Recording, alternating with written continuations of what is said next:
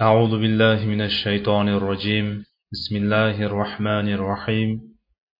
إن الحمد لله نحمده ونستعينه ونستغفره ونعوذ بالله من شرور أنفسنا ومن سيئات أعمالنا. من يهده الله فلا مضل له ومن يضلل فلا هادي له. وأشهد أن لا إله إلا الله وحده لا شريك له واشهد ان محمدا عبده ورسوله اللهم علمنا ما ينفعنا وانفعنا بما علمتنا وزدنا علما السلام عليكم ورحمة الله وبركاته o'tgan darsimizda dovulchilar guruhining jang maydonidagi o'rni ayni jalut ma'arakasining boshlanishi mo'g'ul quvvatining ayni jalut vodiysiga tamoman kirishi va qurshovda qolishi qutuzning jang maydoniga kirishi mo'g'ul qo'mondoni kitbuganing o'ldirilishi mo'g'ullarning mag'lubiyati va ayni javluddan qochishi qutuz rohimaulloh islom mezonida kabilar mavzuyimiz bo'lgan edi. Ayni javlud jangidan oldin mo'g'ullarning musulmonlar ustidan g'olib bo'lish sabablari. Butun olamga katta o'zgarish kiritgan ayni javlud jangidan olinadigan dars va ibratlar behisobdir. O'sha kundagi musulmonlarning ayniqsa malik muzaffar sayfiddin qutuzning har bir qadami chizgan rejasi uzundan uzoq sharhlarga loyiqdir. Aynijalud jangida yer yuzida buzg'unchilik va vahshiylik siyosatini qo'llab kelayotgan mo'g'ul lashkari tormor qilindi. Alloh taolo buzg'unchilarning ishini o'nglamaydi. Mo'g'ul istibdodi uzoq yillar. Ya'ni qirq yildan ortiq muddat muttasil musulmonlar ustidan g'olib bo'lib keldi. Bu davrda musulmonlar qahr jabr zulm va qattiq bosim ostida yashadilar. Musulmonlar o'nlab hatto yuzlab janglarda mag'lubiyatga uchradilar. Kun kelib bu jabr zulm xorlik va istibdodga ayni jalut ma'rakasida nuqta qo'yildi. Musulmonlar ulkan g'alabaga erishdilar. Alloh taolo marhamat qiladiki bu kunlarni ya'ni g'alaba va mag'lubiyat kunlarini odamlar orasida aylantirib turamiz. Oli imron surasi bir yuz qirqinchi oyat. Ushbu o'rinda ikkita savol tug'ilishi mumkin. U ikkisining ham yechimi bitta. Birinchi savol. Nima uchun mo'g'ul lashkari islom ummatiga g'olib bo'ldi? Holbuki musulmonlar yaxshi va afzal ummat ediku. Garchi islom ummati o'z manhajiga xilof ish tutsalar zimmalaridagi vojibotlardan uzoqlashib qosirlik qilsalar ham oxir oqibat baribir islom ummati ediku. Shunday ekan nima uchun alloh azza va jalla buzg'unchi mo'g'inlarni islom ummatiga g'olib qildi? Ikkinchi savol. Nima uchun mo'g'ul lashkari sobiq janglarda musulmonlar ustidan g'alabaga erishdilaru ayni jarud jangida mag'lubiyatga uchradilar holbuki mo'g'ul lashkari o'sha o'sha ediku. Nima sababdan o'tgan janglarda g'olib bo'lib kelgan qo'shin ayni jalud jangida g'aroyib suratda batamom halokat uzra yuz tutdi. Bu ikki savolga sahobiy jalil amiril mo'minin umar ibn xattob roziyallohu anhuning hayotidan javob topamiz. U kishi buyuk qodisiya jangida islom lashkariga sardorlik qilgan sad ibn abu vaqqos roziyallohu anhuga quyidagicha xitob qildi. Seni va askarlaringni har qanday holatda allohdan taqvo qilishga buyuraman. Zero allohdan taqvo qilish dushmanga qarshi tayyorlanishning eng afzali va hiylaning eng kuchlisidir. Seni va yoningdagilarni dushmaningizdan ko'ra gunohlaringizdan ehtiyotkor bo'lishlikka chaqiraman. Chunki gunoh sizlar uchun dushmanga qaraganda xavfliroqdir. Musulmonlar dushmanlari ustidan ularning allohga qilgan ma'siyatlari sabab nusratlanadilar shunday bo'lmasa bizning ularga quvvatimiz yetmagan bo'lardi. Chunki biz ulardan oz hamda tayyorgarligimiz ularnikiday emas. Bordiyu ma'siyatda ular bilan barobar bo'lsak ular bizdan quvvatda ustunlik qiladi. Fazilatimiz ila nusratga erishmasak quvvatimiz bilan ularni yenga olmaymiz. Bilinglarki saflaringizda qiladigan ishlaringizni bilib turadigan alloh azza va jalla tomonidan saqlab turuvchi farishtalar bordir. Shunday ekan ulardan hayo qilinglar. Allohning yo'lida bo'lgan hollaringda allohga ma'siyat qilmanglar. Dushmanimiz bizdan yomonroq shuning uchun bizga g'olib bo'lolmaydi demanglar. Qanchadan qancha qavmlar ustidan ulardan yomonroq bo'lganlar g'olib bo'lishdi. Ahli kitob bani isroil allohning g'azabini keltiruvchi amallarni qilganlarida majusiy kofirlar ular ustidan g'olib bo'ldilar. Ular bani isroilni halok qilish asir olish uchun hovli joylarni oralab kezdilar. Bu ado qilinguvchi va'da bo'ldi. Isro surasi beshinchi oyat. Ya'ni umar roziyallohu anhuning so'zi mo'g'ullar musulmonlardan yomonroq. Shuning uchun hargiz musulmonlar ustidan g'olib bo'lolmaydi yoki yahudiylar musulmonlardan yomonroq demak ular ham musulmonlarga hukmron bo'lolmaydi. Yoki majusiylar yoki nasroniylar va boshqalar musulmonlar ustidan hukm yurgizuvchi bo'lolmaydi degan so'zimizga ravshan javobdir.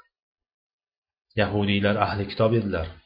Biroq ular yer yuzida buzg'unchilik qilib allohning g'azabiga sabab bo'lgan ma'siyatlarni qildilar va alloh azza va jallaning shariatidan uzoqlashdilar.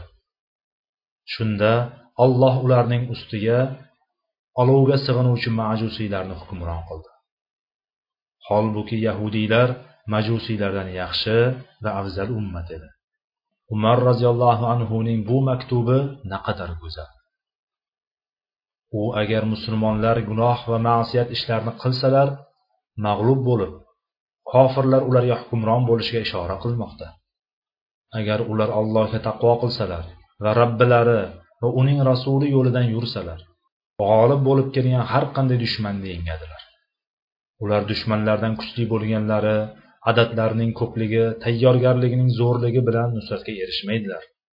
Balki ular robbilariga bog'langanlari hamda dushmanlari esa olamlar robbidan uzoq bo'lganlari uchungina musulmonlar dushmanlari ustidan nusratga erishadilar mana shu o'rinda nima uchun qirq sana davomida mo'g'illarning musulmonlar ustidan g'olib bo'lib kelganligi va ayni shu mo'g'il lashkari ayni jaludda musulmonlardan yengilganining sababini fahmlaymiz. Shuningdek tarix va voqelikda juda ko'p hodisalardagi o'xshashlik va takrorlanishni anglaymiz. Ummatning majolsiz zaifligi ba'zida g'arbga ba'zan esa sharqqa tobe bo'lganini ruhan tushkun haybatini yo'qotgan ba'zan qoloq ba'zan no'noqlikda ayblab xo'rlagan tirnoq ostidan ayb qidirilib unga har xil laqablar yopishtirilganini qonimizga tashnalarni do'st tutilayotgani musulmon diyorlarini vayron xarob qilayotganlar bilan hamkorlik qilganini musulmonlarni o'z yurtlaridan quvg'in qilayotganlarga sadoqat bilan yondashayotgani iqtisodlarini sindirayotganlarga madad berayotganlari qo'yingki xiyonatning barcha turini ko'rsangiz buyuk islom ummatining dushmanlari nazarida hech bir qiymatga ega bo'lmay qolgani yahud va salibchilar sigirga sig'inib yurgan butparastlar ham ularga zolimona bosimlar o'tkaza olayotganining sababini ko'rasiz. Ha ummat ollohdan uzoqlashdi.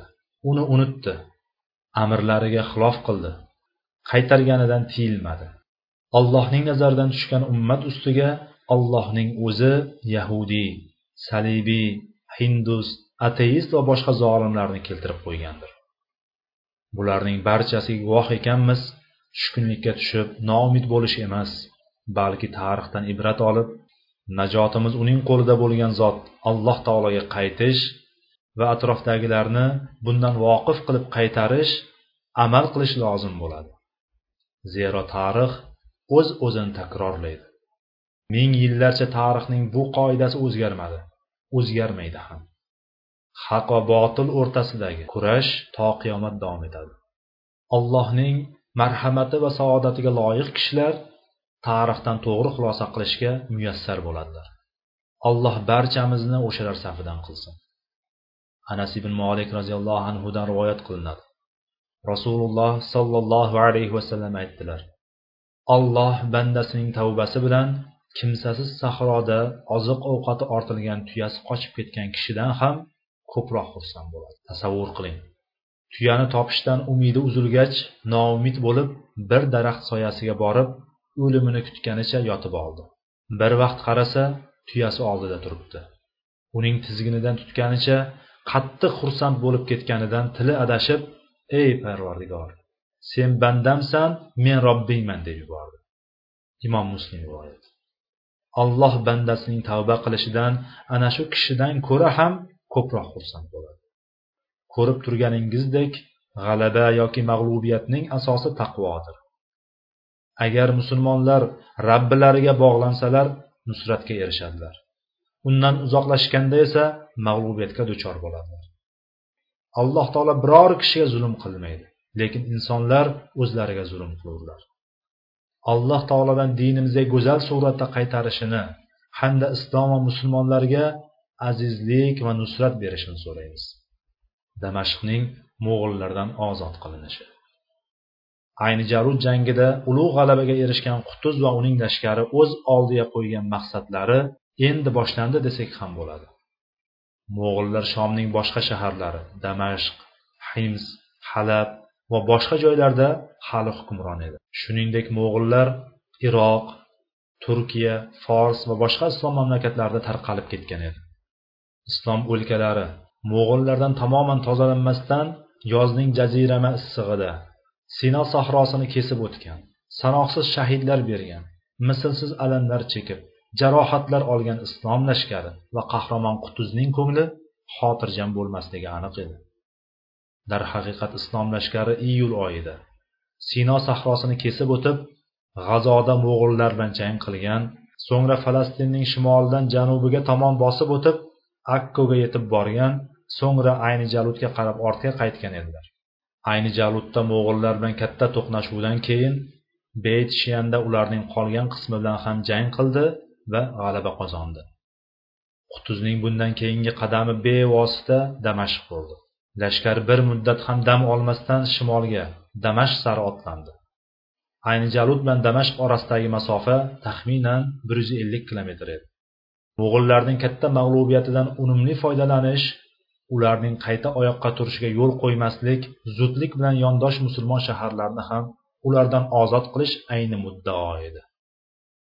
Agar vaqtni boy berilsa xitoy mo'g'uliston yevropa fors va boshqa joylardan mo'g'ullarga madad kelib o'zlarini tiklab olishi mumkin edi. Mohir sarkada qutuz rohimaulloh damashqni mo'g'ul guruhlaridan tozalash sari odim qo'ydi. U ayni jaludda mo'g'ul lashkarining bittasi ham tirik qolmaganini yaxshi bilardi. Ya'ni damashqdagi mo'g'ullarga ayni jalud fojiasi xabari yetib bormagan. Qutuz rohimaulloh hijriy olti yuz ellik sakkizinchi yil yigirma yettinchi ramazon.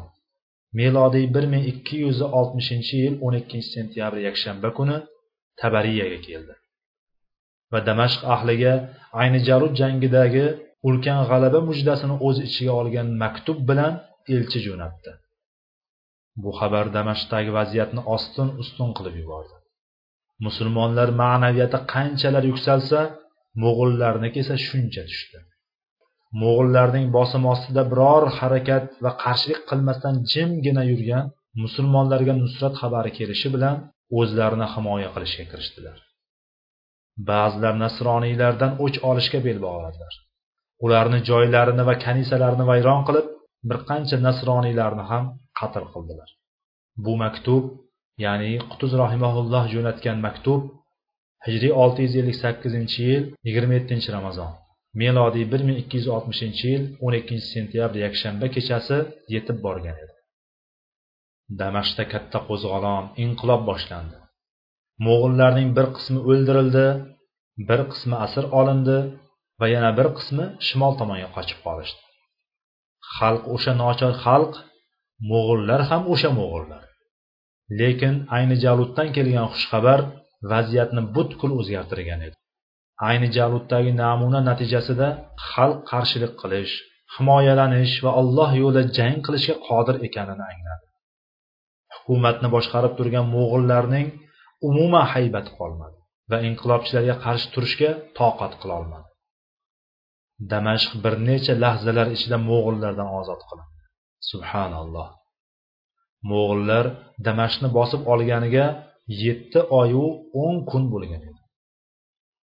Qutuz rohimaulloh o'ttizinchi ramazon kuni ya'ni maktub kelganidan uch kundan keyin damashqqa kelganida shaharda bitta ham mo'g'ul qolmagan edi. Qutuz rohimaulloh o'ttizinchi ramazon ya'ni melodiy o'n beshinchi sentyabr chorshanba kuni damashqqa kelib harbiy lagerini o'rnatdi. So'ngra ikkinchi shavvolda damashqqa kirdi. Yo'l atrofiga bezaklar osilgan erkak ayol va bolalar peshvoz chiqib qahramon malik muzaffarni kutib oldilar. Qirq yildan beri musulmonlar bu qadar sevinmagan xursand bo'lmagan edilar. Ha bu haqiqiy xursandchilik edi. Ey muhammad ayting allohning fazli marhamati va rahmati mehribonligi bilan mana shu ne'mat bilan shodi xurram bo'lsinlar. Zero bu ular to'playdigan molu dunyolaridan yaxshiroqdir. Yunus surasi ellik sakkizinchi oyat. Bu shodlik olloh dinining nusrati. Bu dunyo lazzatlaridan hech biriga qiyoslab bo'lmaydigan islomning oliy va musulmonlarning aziz bo'lish xursandchiligi. Mamluklar lashkari damashqqa kirdi va yurtga haqiqiy omonlik berildi. Hatto nasroniy va yahudiylarning joniyu moliga ham to'liq omonlik berildi. Qutuz rohimaulloh damashqqa mo'g'ullar qozi etib tayinlagan ibn zakiyni mansabidan chetlatib uning o'rniga najmuddin abu bakr ibn sunniyni qozi etib tayinladi. Yangi qozi musulmonlar va nasroniylar orasidagi kelishmovchiliklar ustida hukm chiqardi va ixtiloflarga chek qo'ydi. Bu hukmga ko'ra birorta nasroniyga musulmon o'lkada zulm qilinmaydi. Holbuki nasroniylar mo'g'ullar davrida musulmonlarning boshiga ne ne kulfatlar solgan edi. Shomning mo'g'ullardan ozod qilinib misr bilan birlashishi qutuz rohimaulloh damashqqa kelgan kunning ertasiga ramazon hayiti bo'lib bu bayram musulmonlarga qirq yildan beri o'tgan bayramlarning eng ulug'i nafaqat ramazon hayiti shu bilan birga nusrat va tamkin bilan qo'shaloq bayram bo'lgan edi. Kofir bo'lgan kimsalarning so'zlarini tuban qilib qo'ydi. Allohning so'zigina oliy so'zdir. Alloh qudratli hikmatlidir. Tavba qirqinchi oyat.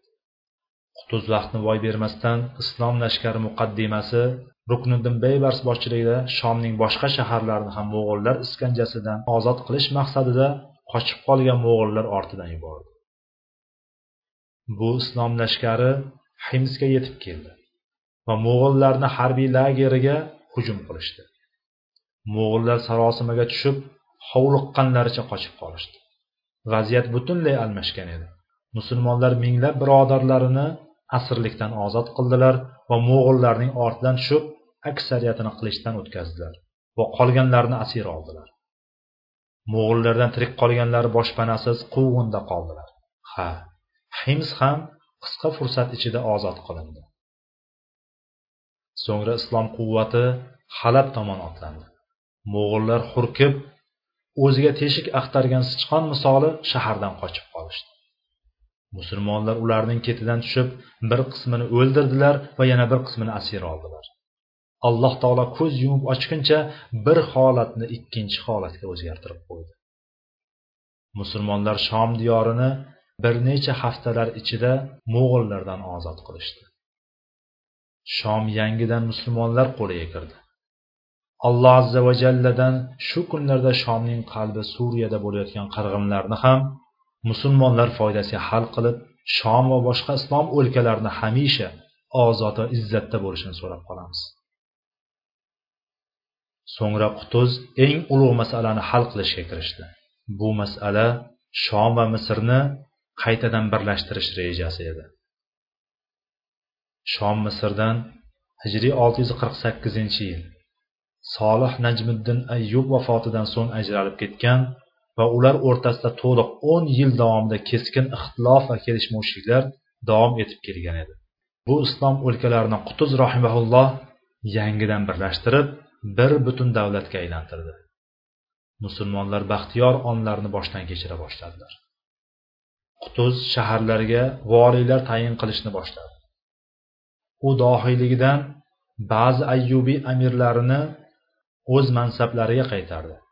Qutuz rohimaulloh endi ularni xiyonatlardan qo'rqmas chunki ular qutuz va uning lashkariga tenglashadigan kuchga ega emasligini yaxshi bilardi. Qutuz rohimaulloh hims amirligini ashrof ayyubiyga taqdim qildi. U bir paytlar mo'g'illar bilan ittifoqdosh bo'lgan lekin keyin nadomat qilib tavba qilgan va musulmonlar safiga qaytgan edi. Halab amirligi alovuddin ibn badruddin lu'luga berildi. Ma'lumingizki uning otasi mosulning amiri badriddin lu'lu mo'g'illarga o'ta sadoqatli kishi edi. Uning olamdan o'tganiga ko'p bo'lmagan edi ammo uning o'g'li alovuddin esa qutuzni va musulmonlarni qo'lladi va unga sadoqatli bo'ldi. Qutuz rahimaulloh qora harflar bilan bitilgan otaning tarixini o'g'liga g'ov qilmadi. Bu o'rindagi nozik nuqta. Qutuz rukniddin beybarsga agar halabni mo'g'illardan ozod qilsang voliyligini senga beraman deya va'da bergan edi. Lekin beybars halabni ozod qilganda yuqorida zikr qilganimizdek unga emas alovuddinga berildi. Bu esa rukniddinning qutuzga nisbatan adovatiga sabab bo'ldi. Qutuzning ozgina e'tiborsizlik ila va'dasida turmagani o'z hayotiga zomin bo'ldi. Qutuz har bir kishini qudratiga yarasha muomala qilib hamah amirligini o'z egasiga ya'ni ayni jarud jangida musulmonlar tomonida turib jang qilgan amir mansurga topshirdi. Ketbugani o'ldirgan amir jamoliddin oqushni falastin va g'azoga voliy etib tayinladi. Damashqni alamuddin sanjar halabiyga berdi. Shu tariqa shomdagi vaziyat barqarorlashdi va islomning shavkati ortdi. Yahudiy va nasroniylarning musulmonlarga tahdid solishga majoli ham qolmadi. Shom shaharlariga voliylarni tayin qilish va mamlakatda tartib o'rnatish uchun yigirma besh kun atrofida vaqt ketdi. Sulton qutuz rahimaulloh hijriy olti yuz ellik sakkizinchi yil yigirma oltinchi shavvol melodiy bir ming ikki yuz oltmishinchi yil o'n birinchi oktyabr dushanba kuni misrga poytaxt qohiraga bir qator siyosiy ishlarni tartiblash va idora qilish maqsadida yo'lga otlandi ortga bir nazar qilsak qutuzning hokimiyat tepasiga kelganiga atigi o'n bir oy bo'lgan edi xolos. Chunonchi u hijriy olti yuz ellik yettinchi yil yigirma to'rtinchi zulqada kuni melodiy bir ming ikki yuz ellik to'qqizinchi yil o'n to'qqizinchi noyabrda taxtga o'tirgan edi. Mana hozir hijriy olti yuz ellik sakkizinchi yil shavvolning oxirida qohiraga qaytyapti. Shu tariqa musulmonlar mo'g'ullar ustidan g'alaba qozondi. Ayni jarud ma'rakasi samaralari ayni jarud jangi garchi qisqa muddatda yuz bergan va bir kunda nihoyasiga yetgan bo'lsa-da, uning samaralarini qancha katta va ulug' ekanini tasavvurga sig'dirish qiyin. Bu o'rinda uning samaralarini to'liq o'rganib chiqishga vaqtimiz yetmasa-da, yengil zikr qilib o'tishni maqsadga muvofiq deb bildik. Bu mavzu tahlilchilar uchun g'oyat ahamiyatlidir. Birinchi samara alloh taolo amridan yiroqlashgan musulmonlarning alloh azza va jallaga qaytishlari. Musulmonlar bu jangga hozirlik ko'rish asnosida ya'ni ayni jalud jangiga hozirlik ko'rish asnosida. Jang paytida va undan keyin robbilariga qaytdilar ya'ni robbilariga bog'landilar. Ular ollohga qaytganlarida ko'pchilik tahlilchilar haqiqiy mo'jiza deb e'tibor qilgan nusrat ro'yobga chiqdi. Buni odamlar yaxshi tushunib yetdilar. Musulmonlar ayni javud ma'rakasidan so'ng urushdagi haqiqat allohning amri asosiga ko'ra bo'lishini angladilar. Musulmonlar ayni jarud ma'rakasidan so'ng urush birinchi o'rinda diniy asosga ko'ra bo'lishini angladilar. Guvoh bo'lganimizday nasroniylar mo'g'ullar bilan bir necha bor hamkorlik qildi. Vaholanki ular bilan mo'g'ullarning manfaatlari boshqa boshqa edi. Musulmonlar ahd va kelishuvlarga qat'iy rioya qilsalar mo'g'ullar esa bilaks. Ahdlarga umuman vafo qilmasdilar. Zero ahdlarga vafo qilish islom dinining asoslaridan hisoblanadi. Musulmonlarning ahdlarga rioya qilishlariga tarix ko'p bor guvoh bo'lgan. Ahdlariga bevafoliklari esa tarixda nodir suratda topilishi mumkin. Shunga qaramay nasroniylar musulmonlar bilan emas musulmonlarning ziddiga mo'g'ullar bilan ahdlashdilar.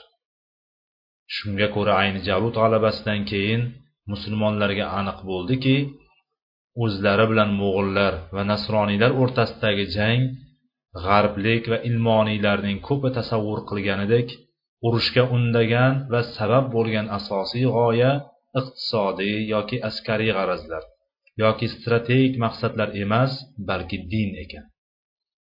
Nasroniylarning musulmonlarga qarshi urush qilishlariga asosiy sabab dindir. Agar nasroniylar dindan boshqa biror manfaatni ko'zlaganlarida ahd va kelishuvlarga vafodor bo'lgan musulmonlar bilan hamkorlik qilgan bo'lardilar. Alloh taolo o'zining aziz kitobida bu haqda bir necha bor tanbeh bergan.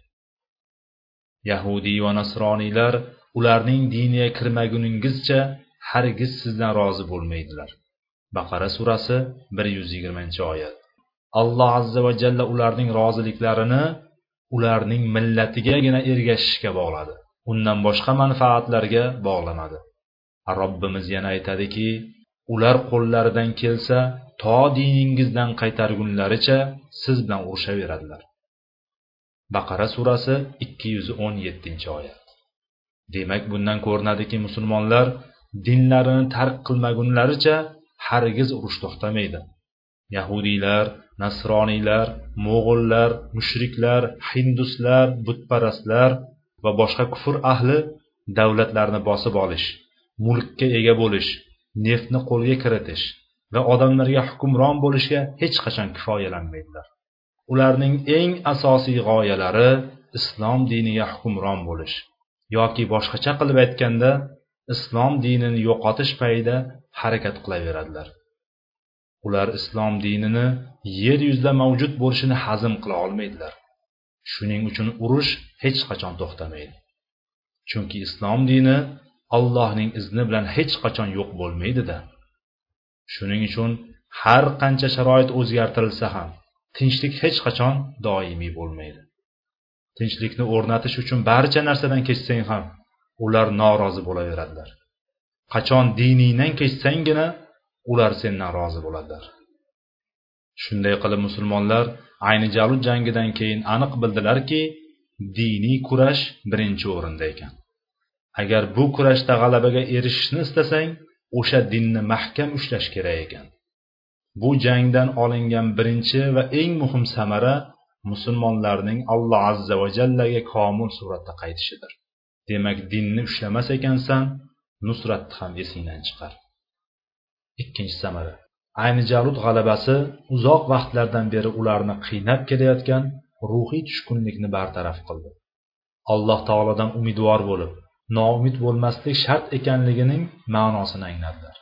Kofirlar quvvati har qancha kuchli bo'lsa-da, bir kun kelib zavol topajagini tushunib yetdilar. Alloh taoloning quyidagi kalomining mag'zini chaqdilar.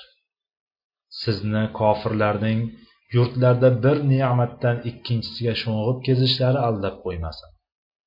Bu yelib yugurish g'olibona kezishlar ozgina matodir. So'ngra joylari jahannam bo'lgay. Naqadar yomon joy u.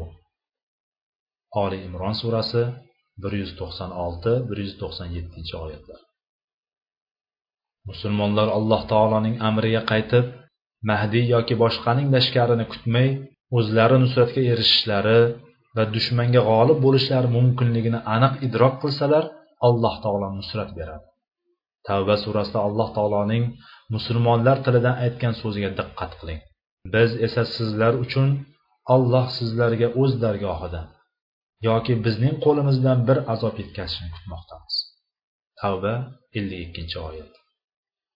Demak musulmonlar o'zlari harakat qilib amal qilishlari lozim. So'ngra alloh taolo o'zi istagan bandalariga nusratini nozil qiladi. Agar alloh sizga biron ziyon yetkazsa uni o'zigina ketkaza olur. Agar sizga biron yaxshilikni yetkazishni iroda qilsa uning fazlu marhamatini qaytara olguvchi yo'qdir u o'zi xohlagan bandalarga yaxshilik yetkazur u mag'firatli mehribondir yunus surasi bir yuz yettinchi oyat vallohu taala alam سبحانك اللهم وبحمدك أشهد أن لا إله إلا أنت أستغفرك وأتوب إليك وآخر دعوانا أن الحمد لله رب العالمين والسلام عليكم ورحمة الله وبركاته